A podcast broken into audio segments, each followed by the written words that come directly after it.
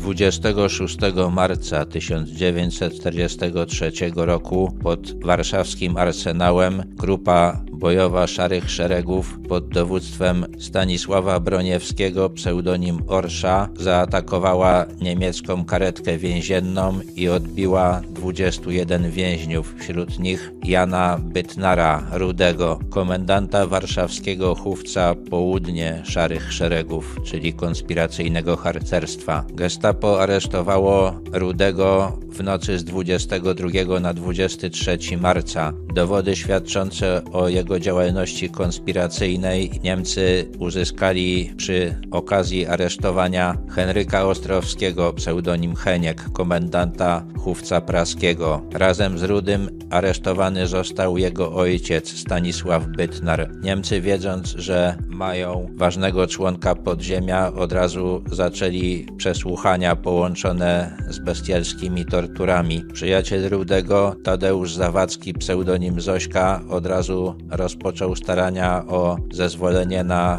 odbicie go. Jednak dowódca oddziałów dyspozycyjnych, major Wojciech Kiwerski, który mógł wydać pozwolenie na tę akcję, był poza Warszawą. Dopiero 26 marca wrócił i udało się uzyskać jego zgodę. Na miejsce akcji wybrano warszawski arsenał, ponieważ tam więźniarka musiała zwolnić ze względu na ostre zakręty. Podczas akcji zginęło czterech Niemców oraz dwóch granatowych policjantów. Po stronie okupanta było też dziewięciu rannych. Z zespołu odbijającego ranni zostali Aleksy Dawidowski, Alek i Tadeusz Krzyżewicz-Buzdygan. Niemcy aresztowali też na miejscu Huberta Lenka, który został potem zakatowany. Odbity Rudy był w strasznym stanie. Zmarł 30 marca. Tego dnia umarł też Alek Buzdygan w dwa dni później. 27 marca w odwecie